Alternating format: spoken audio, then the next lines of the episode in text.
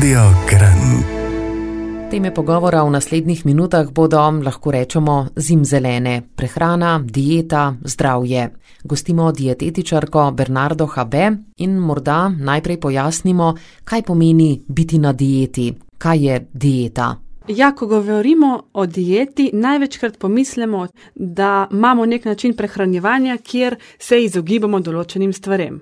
Ne, dieta je medicinsko zares potrebna takrat, ko imamo recimo kakšne težave, um, da se moramo odpovedati glutenu zaradi celjakije ali kaj podobnega. Ne? Ko moramo nujno izključiti nekatere snovi in potem prilagoditi našo prehrano z določeno dieto. Torej, dieta se običajno predpisuje ljudem, ki imajo kakšne zdravstvene težave, tudi recimo kakšne alergije, intolerance, težave s prebavnimi organi.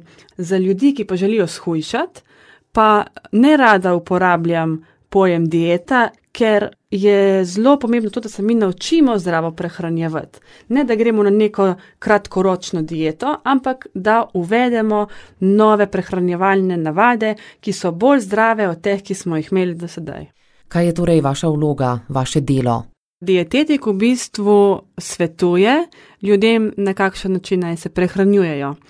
Pozna tudi določene bolezni, pri katerih je potrebna določen tip prehranjevalnih navad, predvsem pa tudi sestavlja jedilnike, dietetika zdaj zaposlujejo tudi po različnih šolah, domi za upokojence, fitness centri imajo dietetike um, in tudi zdravstveni domovi v okviru te preventive, ki jo delajo. Tako da v bistvu zelo široko področje zajema, predvsem pa kar se tiče svetovanja pri prehrani.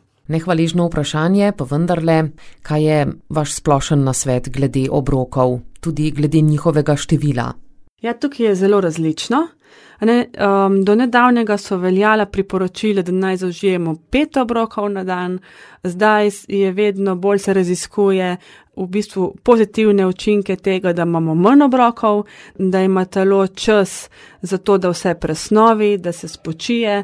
Ne, in um, jaz pri recimo temu zdravi populaciji, ki nima nekih težav, ponavadi priporočam 3 do 4 obroke. Neodvisno od tega, tudi kakšen način življenja ima določen posameznik, kakšen njegov način dela, kaj dela, koliko ima časa za pripravo obrokov in podobno.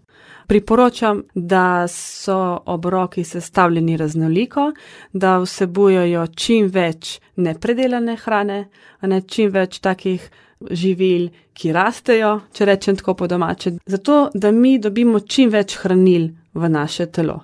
Naj bodo obroki sestavljeni iz veliko zelenjave, sadja, polnovrednih žitaric in ne smemo pozabiti tudi na dobre vire maščob, ki so zelo pomembne za naš organizem.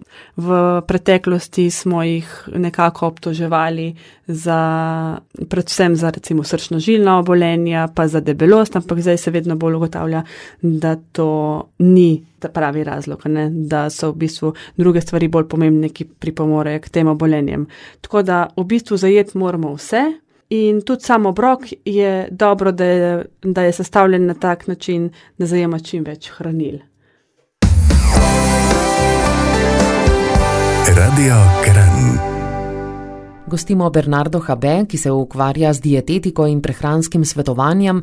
Pred glasbenim premorom je bilo govora o tem, kakšni naj bi bili naši obroki.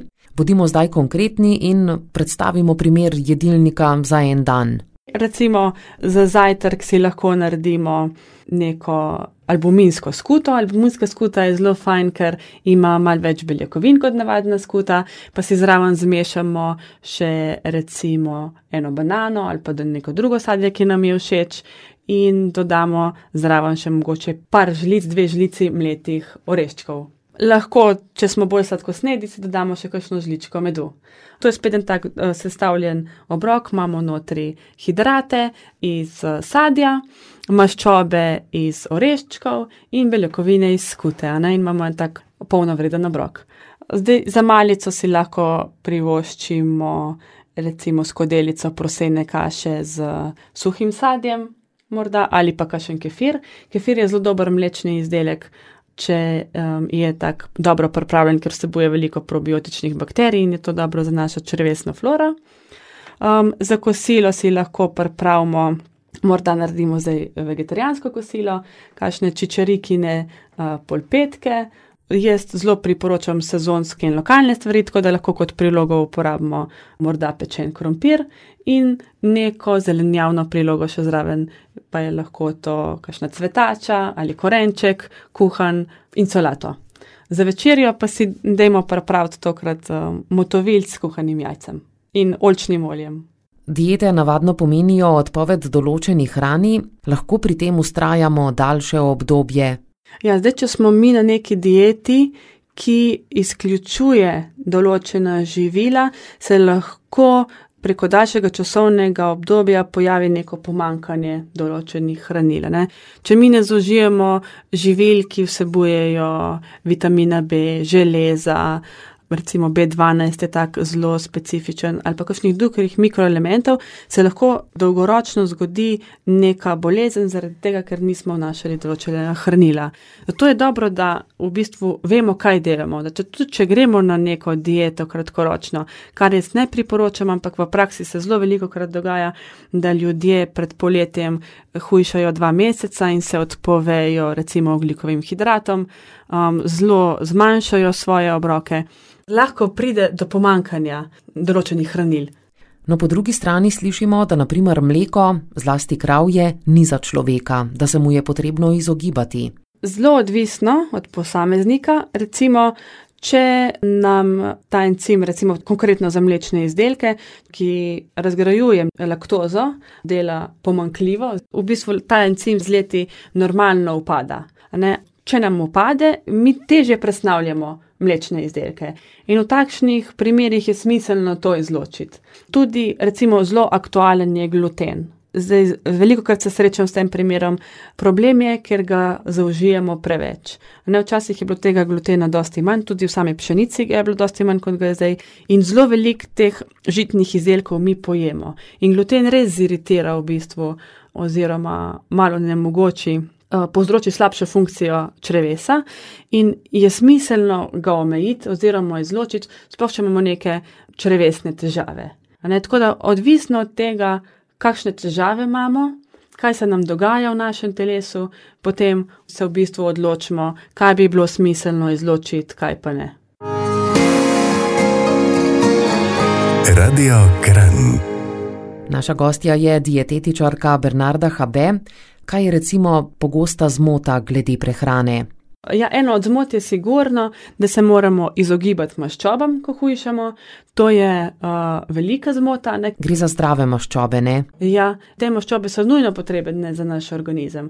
Tako za to, da tvorimo hormone, za našo kožo, za, v bistvu za vsako celico, ker je sestavljena iz lipidnega dovosloja, je maščoba nujno potrebna in jih ne smemo kar tako izključiti, ker to bi povzročilo določene zdravstvene probleme. Lahko. Kaj pa prehranski dodatki so smiselni oziroma potrebni, učinkoviti? Zdaj, prehranski dodatki bodo učinkoviti, malo če imamo mi porihtano prehrano. Ne, če mi nimamo uravnotežene prehrane, s prehranskimi dodatki ne bomo rešili nič. V bistvu prehranski dodatek so kot eno, ena zvezdica, ki nam lahko pomaga, ko imamo mi stvari že urejene.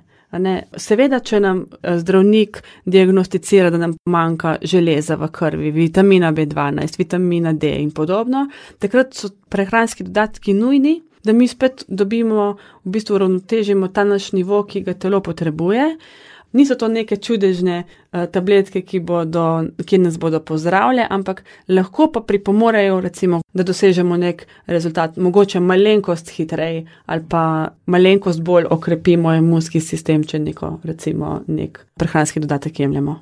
Ja, segli smo na področje, kjer se poraja še vrsta vprašanj, torej na področje prehrane. Za danes zaključujemo pogovor z Bernardo Habe in eh, kaj bi lahko rekli oziroma svetovali za konec. Morda samo to, da je najbolj pomembno to, da jemo čim bolj nepredelano hrano, um, da imamo neke redne obroke, da ne pretiravamo s kakšnimi prigrizki, ker prigrizki so v bistvu najbolj škodljivi, ker so zelo kalorični in nimajo nekih hranilnih vrednosti in mimo grede zaužijemo 500 kalorij, ki še niti vemo, ne, da smo jih pojedli.